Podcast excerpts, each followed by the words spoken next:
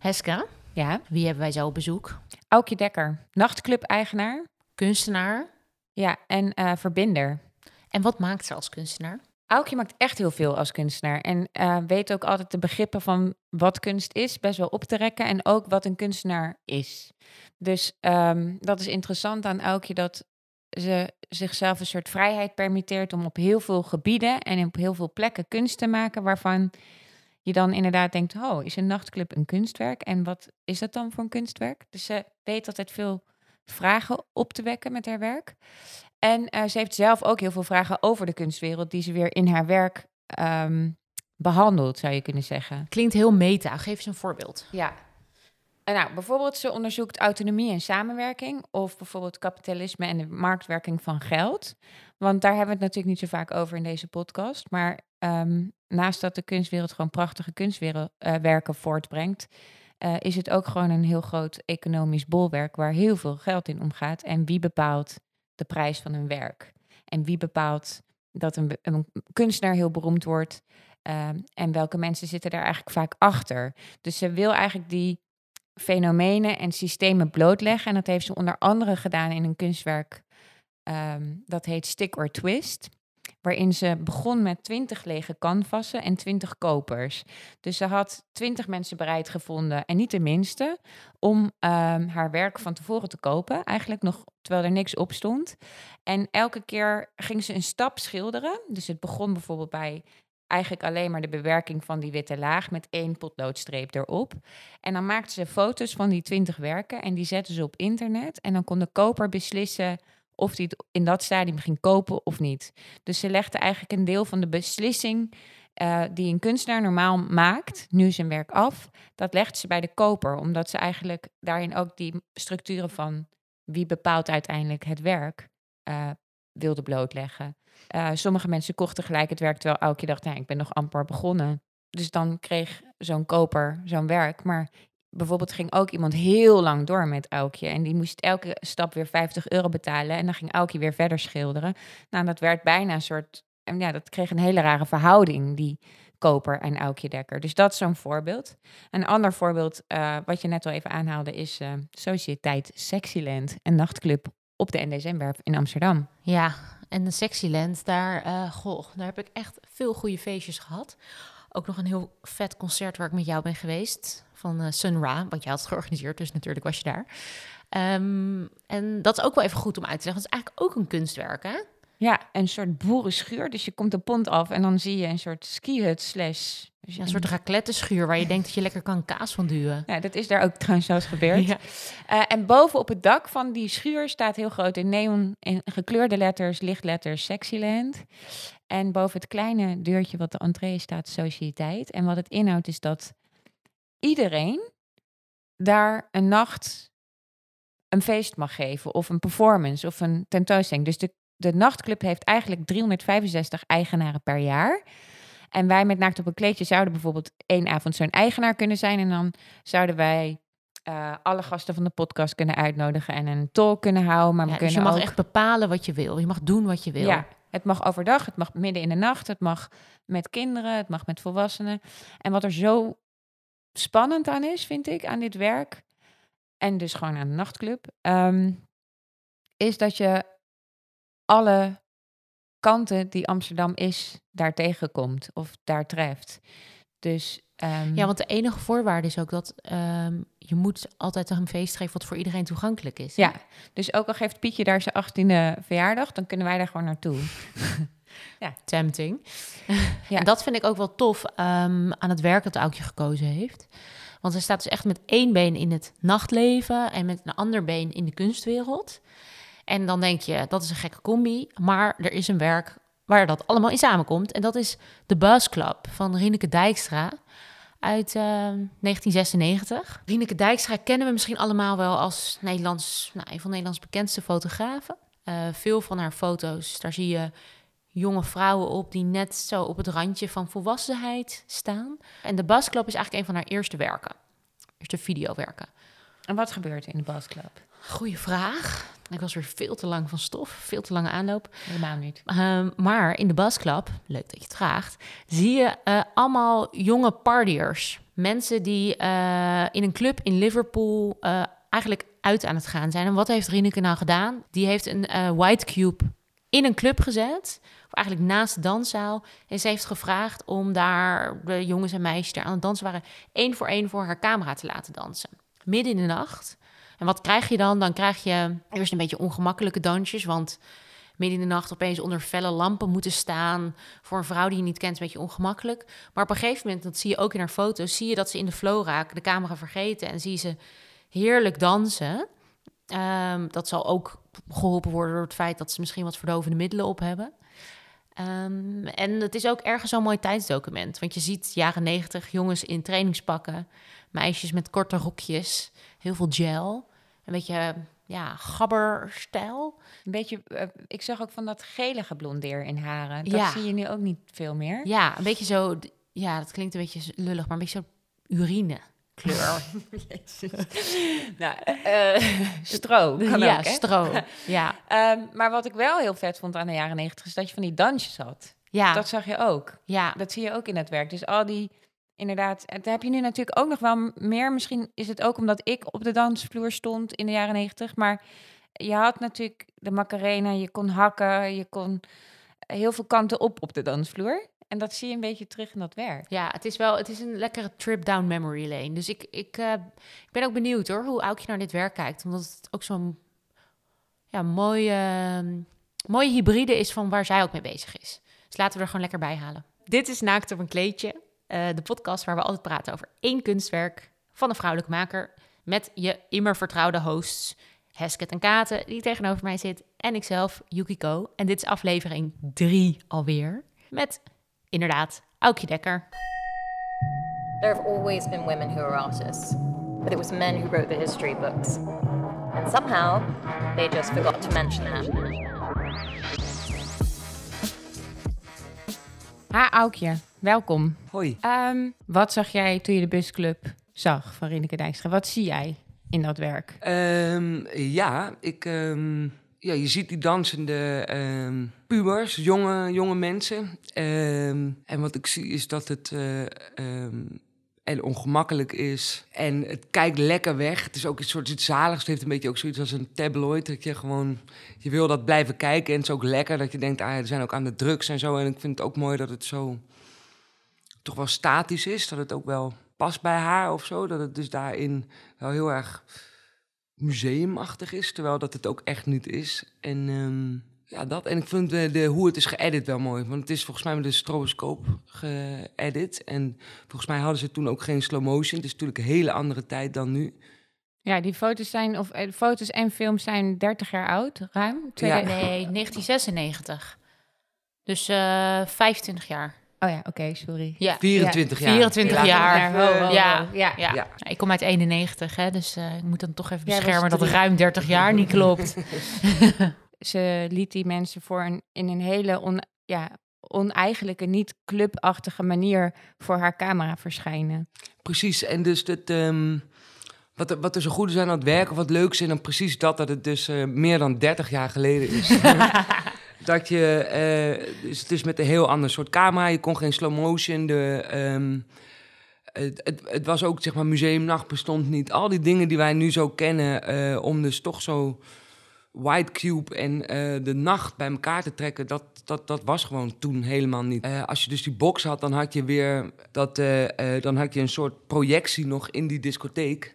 Waardoor dus de mensen, je kon ook de hele tijd zo zien, hè, wat is dat nou? En als je dus ook ging, dus het was eigenlijk ook misschien wel voor het eerst dat je dus, dat je dus iets pakt uit een situatie en het neerzet in het museum. Maar je geeft ook weer het nachtpubliek kunst door het ook daar live weer te streamen. Dus je dat- bedoelt dat eigenlijk de mensen op de dansvloer ook weer de mensen in die white cube konden zien. Ja. Ja, Dus, toch, dus je, je kon zien wie er voor Ja. je was geweest of na je is geweest. En, Ja. de- en opeens is dan zo'n publiek van de nacht, dat is ook opeens museumbezoeker. Die komt ook in aanraking met kunst.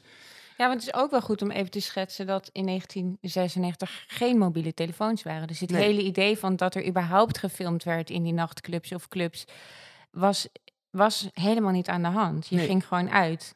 Ja, maar tegelijkertijd is dat misschien ook wel dat je daardoor nog een soort onschuld vast kan leggen. Niet begrijpende, nu is iedereen eh, al het idee dat je viral zou kunnen gaan. Dat is gewoon zo angstaanjagend. Dat er dus ook misschien dit, dat werk niet meer nu gemaakt had kunnen eh, worden. Omdat iedereen te bang ook is voor wat er daarna uiteindelijk mee kan gebeuren. Hoe, wat zie jij aan die mensen als je naar die busclub kijkt? Wat voor een kinderen of adolescenten zijn dat? Vind je ze mooi of wat, wat, wat voor beeld wekt het jou op? Ik vind dus de context van Basklap heel leuk. Dus voor mij zit ook het.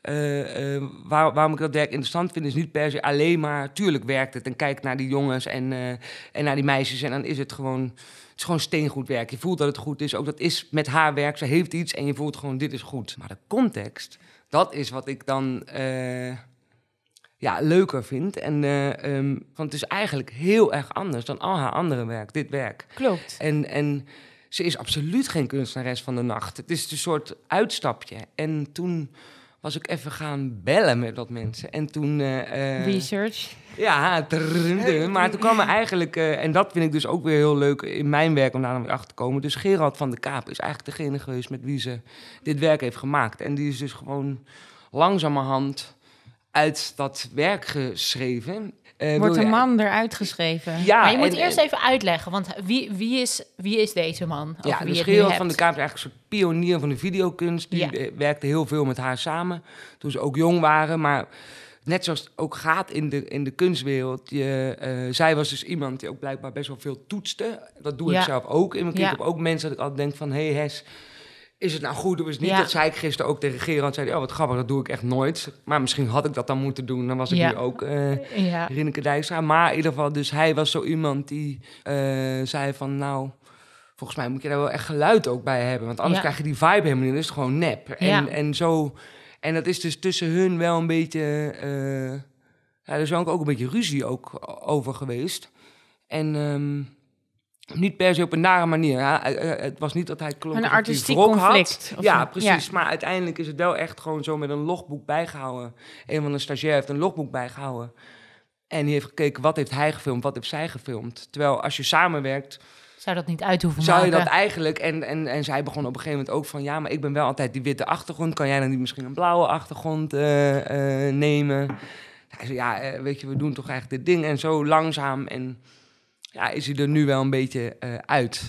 Ik vind het ook wel mooi dat jij dit zegt, want jij bent een kunstenaar die heel veel samenwerkt in de praktijk en die altijd dat auteurschap bevraagt in je werk. Dus eigenlijk alle kunstprojecten, of nou een solo tentoonstelling of een, of een schildertraject is wat je ingaat, is altijd in relatie tot anderen. Of het nou co-auteurs zijn of andere schilders of uh, kopers van je werk. Je maakt altijd al die facetten en contexten onderdeel uh, van je werk en beslissingsbevoegdheden. Ja, precies. Daarom vond ik dit dus ook heel interessant. Ik vond het ook leuk om te horen. En ook, um, um, want het is ook niet per se. Want, want Gerald ging nog tegen mij zeggen van. Maar zou dat dan misschien niet zijn dat als vrouw dat je misschien ook veel harder moet vechten voor je positie? Uh, en dat je dus daardoor ook misschien dat soort dingen moet doen. En toen dacht ik, ja, maar het is dan misschien niet genoeg credits weer voor de vrouw. Ja. Want je kan ook gewoon die dingen gebeuren. Hè? En dus ik zeg ook niet dat ik het beter doe. Ik weet ook dat het zo werkt. Dat die dingen is, is altijd ook één iemand, een soort inspiratiepersoon voor de rest van de kunstwereld. En die, ja, die raakt dan zelf altijd aan de drank. Omdat hij niet wil of weet hoe je iets. Uh, slim moet marketen of zo. Wat ook nou ja, en als ik, is. Het is als ik kijk naar die uh, kinderen slash jongere, jongvolwassenen op die film, dan zie je wel altijd iets wat Rieneke Dijkstra volgens mij heel goed kan, is namelijk iets pakken wat ongemakkelijk is in die groeispurt of in die, in die overstap. Transitie, ja. Van verschillende leeftijden. Die vind ik in heel veel werk van haar aanwezig. En bij deze serie misschien nog wel het allertekenendst dat je je ook afvraagt... wat zou dat meisje nu 25 jaar later van zichzelf vinden mhm. in dat werk? Ja het lijkt me een hele mooie follow-up om al die mensen die zich toen hebben laten filmen te interviewen. Van wie was jij toen, wie ben jij nu geworden? Ja. Uh, daarover, ik las, ik las uh, toen dit werk uitkwam uh, een, een, recensie van de Groene Amsterdammer. Mm -hmm. Waar de recensent, een vrouwelijke schrijver, Pam, of Pam Emmerich, die meisjes omschrijft. En die wil ik heel even aan je voorlezen. Want Alsjeblieft. ik schrok daar een beetje van. Dit zijn jonge eendjes die nooit tot zwanen zullen uitgroeien, denk je. Terwijl de meisjes met onzekere bewegingen al maar verder dansen. Maar ze zullen uitgroeien tot volgevreten, gedrogeerde huismoeders. Met spaarzame middelen weet Dijkstra zo'n indringend portret van een stel jonge meisjes neer te zetten, zodat het hartverscheurend is. Wat zij toont is de schoonheid van het imperfecte. Is het lowlife? Wat bedoel je met lowlife? Nou ja, dat, dat het zo troosteloos is, Ja. deze kinderen. En dat, dat er niks van gaat komen. En dat Ja. het- ik las zelfs dat het een verloren generatie wordt genoemd waar je naar kijkt. Terwijl ik vind het eigenlijk ook wel heel hoopvol. En ik vind het ook iets inderdaad super privés wat je ziet. Wat je op de dansvloer ontwikkelt. Namelijk je eerste move naar een jongen of eh, je eerste biertjes. En ja, dan loop je er misschien wat extra dronken bij. Maar dat zijn allemaal ook hele intieme stappen. Precies. En als je 14 bent, waar hebben we het over? Het is ook een beetje. Als je gaat herleiden wat iemand wordt aan de hand van hoe diegene is op zijn veertiende. Op een is- dansvloer. Ja, op een dansvloer, s'nachts. Ja, ik vind het ook heel. eh, ook grappig dat dat dan door een vrouw is geschreven. Ook, Ja. ja. Vond ik ook wel. Ik vond dus ook heel, heel erg haak staan op het nachtleven, dit, dit kunstwerk. Omdat ik zoiets had van het nachtleven gaat voor mij zo erg over helemaal jezelf kunnen zijn, ongezien. Het, e- dat het even niet uitmaakt hoe mensen naar je kijken, dat je je keurslijf uit kan doen. En dan er zo een camera op zetten en mensen zo full frontal filmen. Het is zo kwetsbaar. Ik dacht ook, het is voor mij ook zo niet de essentie van waar het nachtleven over gaat. Maar Nee, maar Jij gaat bent- kunst natuurlijk ook niet Ja. over. Je, je hebt kunst en je hebt nachtleven. En wat ik hier heel tof aan vind, is dat zij heeft eh, iets uit het nachtleven gepakt om er kunst van te maken. En heeft het ook nog eens teruggegeven aan die mensen in het nachtleven. Maar in principe is het niet haar taak om te zorgen dat het uitgaan leuker wordt. Is, zij heeft het gewoon gebruikt als materiaal voor een, eh, eh, een kunstwerk. En ik denk juist, ik vind dat dus heel erg slim. Ik vind dat dus heel. ik was ook geïnspireerd daardoor dat ik bijna dacht van. Hmm, moet ik heb natuurlijk Sexyland. En nou, nou, nee, met Gerard van der Kaap dacht Oh, ik dus. ja. ja. We hebben het gisteren al helemaal beklonken. Dat ik dus denk, ehm, want bijvoorbeeld met Sexyland, dat ik zie het voor mezelf wel ook als, als mijn kunstwerk. Maar soms is dat ook heel moeilijk nog te omarmen, want in heel veel dingen is het eigenlijk gewoon heel, ook heel praktisch. En ehm, dacht ik, ja, het is natuurlijk wel heel... Wat ik er zo leuk aan vind, is die dubbele agenda. Dat je dus, als je op zo'n moment zoiets eh, ook erin zou zetten, zo'n box, dan heb je altijd, dan ben je daar omdat je ook nog kunst aan het maken bent. En soms kun, kan namelijk al die mooie dingen die jij noemt over uitgaan, dat is, heel erg mooi, maar ook het feit dat het allemaal zo vervliegt. En het, eh, de ene week kan de andere week zijn en eh, het is maar weer gaan. Als je daar dan nog iets over kan houden, dan... Ja, want Aukje, jij hebt eigenlijk eh, precies het andersom gedaan. Je hebt de kunst naar het nachtleven gebracht. En eh eh, Sexyland, ook als je erover leest, maar dat is ook echt, is een conceptuele nachtclub. Ehm, vanuit een soort kunstpraktijk ontsproten. Arthur van Beek, mede-eigenaar en oprichter. Jullie waren ooit oprichters van Eddie de Eagle Museum. En, eh, een Ook met Cito rondvliegend, nog, eh, ja. Oh, Cito, ja, sorry. Ook toen. Ja. En eh, dat, dat transformeerde zich naar het kunstwerk Sexyland. Waarom wil jij iets maken wat zich in de nacht afspeelt? Eh, omdat wat ik nu zoveel vind, behalve bij die volkse Amsterdammers of zo, dat er zit wel weinig humor eh, in het dagelijks leven. Of ook als kunstenaar dat je dan moet bedenken van, wat is dan het hoogst haalbare daarin. En dat je dan daar staat in de MoMA met canapés, met allemaal die mensen die nep lachen, omdat ook iedereen erbij wil horen voor iets, zeg maar. Daar, dat leek mij nou niet het, echt het hoogst haalbare, maar ik vind het dus wel leuk om, om dingen te maken. En bij de nacht is een beetje voor iedereen, en het komt misschien ook gewoon door alcohol, dat even die scherpe randjes eraf zijn. Het is gewoon iets meer, gewoon iets amicaler. En dat amicale vind ik heel eh, leuk. Je krijgt meer gedaan. Het, eh, je hebt geen sheets op een blok waar allemaal. dit, dit is, het is niet per se. Het gaat niet over de nacht aan zich. Ik vind de mensen gewoon heel leuk. Die, die lijken meer op mij. Je vindt de wereld mooier s'nachts.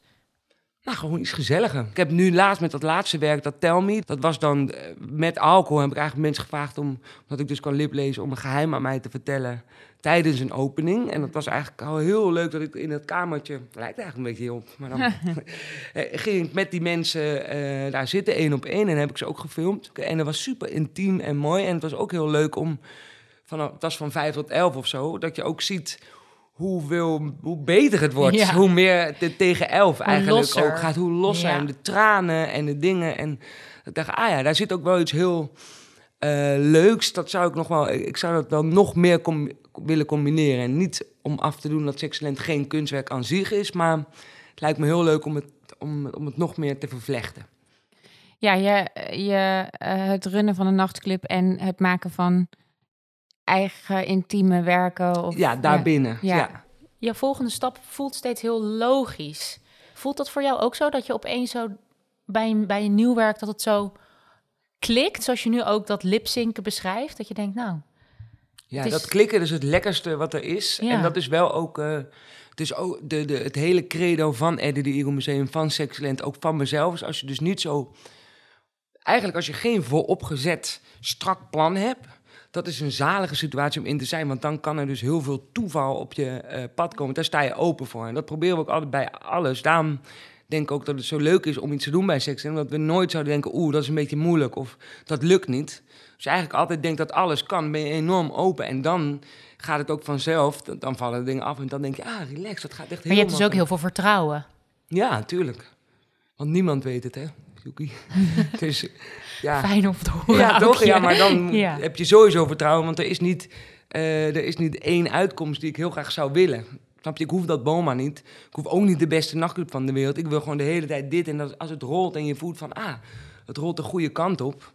Ja, dus Nog even Zalig. over het niet hebben van de beste nachtclub ter wereld, wat ik durf te betwijfelen, want ik vind het toch wel een van de beste nachtclubs ter wereld. Nou ben ik niet op alle nachtclubs van Ben de je wereld niet in geweest, alle nachtclubs maar geweest? toch wel redelijk wat. Ehm, je bent ook bezig met een heel wild plan voor de toekomst van Sexland. Heb je zin om daar alvast wat over te vertellen? Tuurlijk. Ehm, ja, dus waarin in Sexyland je elke dag een andere eigenaar eh, kan hebben. En dus ook dat extreem kon eh, verschillen. Van echt op een maandag met allemaal 40-plussers voor opera en, en dinsdag allemaal punkers. Merkten we toch dat in die... Dus eigenlijk dat huis, dat heeft alles gezien. Maar ze hebben elkaar helemaal niet per se gezien. Omdat die punkers kwamen niet naar de opera. En de opera ook niet naar de punkers. En... ehm, op een gegeven moment was ook een project van een jaar, wat nu al drie jaar eh, duurt. Hadden we wel eigenlijk een soort behoefte aan een soort volgende stap. En die was gewoon super logisch. Dat kwam door dat eindfeest. Want dat eindfeest van het eerste jaar, toen was opeens alles tegelijkertijd. al een soort best-of, zonder te zeggen dat iedereen mocht gewoon die best-of zijn. Dus hadden we 90 of 100 acts. En allemaal door elkaar sloeg helemaal nergens op ook, maar wel echt heel erg goed. En toen zag je dus wel al die vogels luisteren naar dat meisje die eerst met die opera zei... ik ga niet hoor, ik wil echt niet. De, het is nu zo'n super sfeer, dan ga ik het helemaal verpesten. Maar dan was gewoon alles zo'n hardcut, iedereen op de grond zitten... en dan ga je echt luisteren naar iets en dat de fietsenmaker er is... en die, die staat daar weer en hem overkomen allemaal dingen. Dat was zo magisch dat we dachten, oké, dit, Sexyland World... Sexyland World gaan we openen in januari... Dan willen we een heel nieuw pand bouwen en dat heet Super Sexyland World.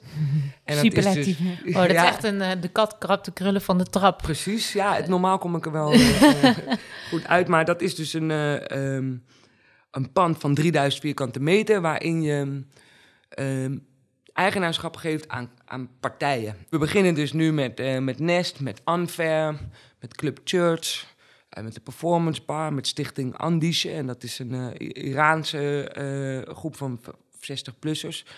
Ehm, Jan Hoek met Inside Outsider Museum. Steven de Peven met een museumwinkel. Artpark Kippie, dat is een, in de naam van Kippenberger weer het kunstenaarscafé... waar je kan brainstormen over je ideeën. Dan en waar gaat, dit, waar gaat dit fysieke pan, pan zijn? Komt dit op de NSM-werf? Komt Nee, dit ergens dat anders? lukt dus niet. Eh, het komt op de Papaverweg. Dus in een loods van 3000 vierkante meter. En Super Sexyland World, eh, die komt ook in Noord. Dat moet.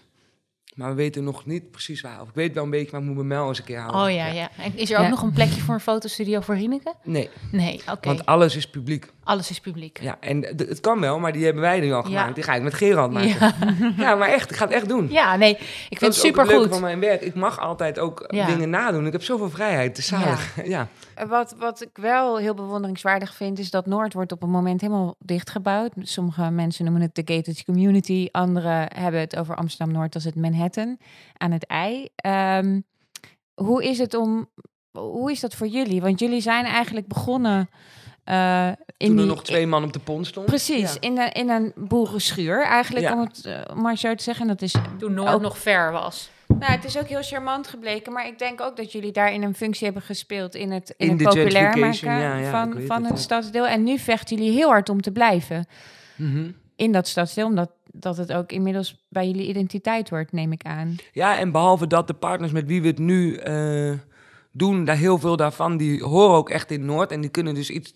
En ja, als wij nu in West gaan zitten, dan zijn we echt die gentrification toe. En in Noord heb je nog de minste eh, plekken die, dus zo'n stichting Andis, die is al twee jaar een plek kwijt.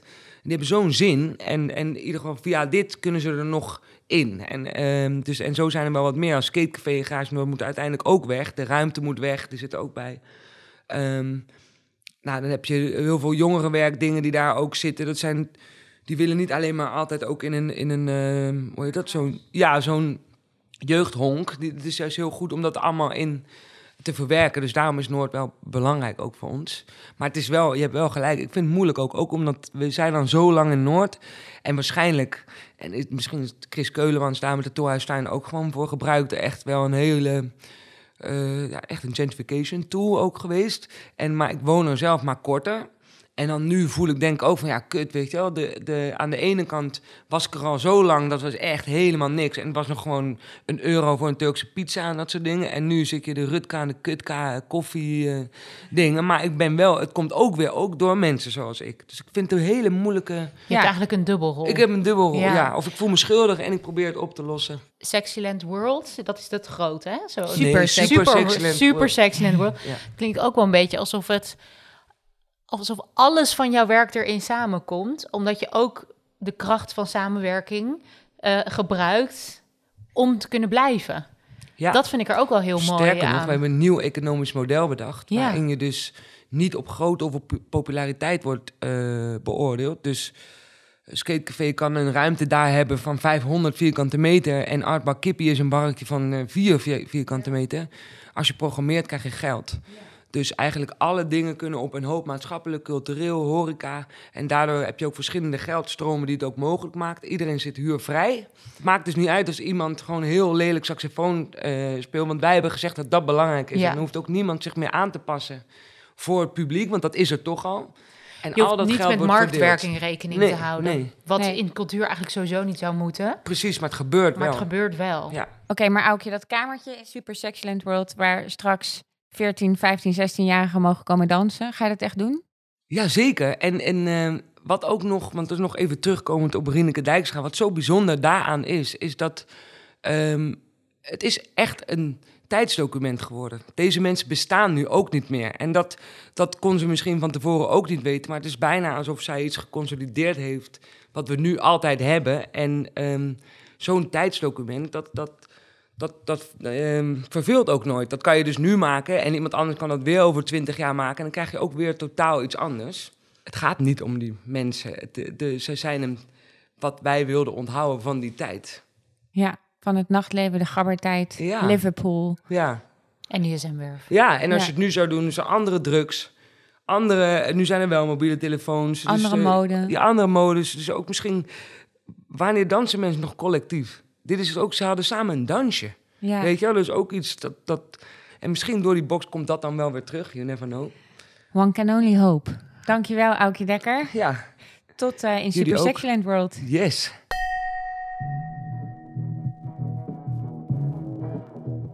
Alle kunstwerken die we in Naakt op een kleedje bespreken zijn terug te vinden op onze Instagram. Naakt op een kleedje. Wel zo lekker als je ze even kan terugkijken. Deze podcast wordt gemaakt door Heske ten Katen en mijzelf, Yukiko, in opdracht van VPRO Mondo, het cultuurprogramma van de VPRO. De edit wordt verzorgd door de immer fantastische Misha Melita en de leader is van Gijs Knol en Tom Hofland. Ontzettend bedankt voor het luisteren en tot de volgende aflevering.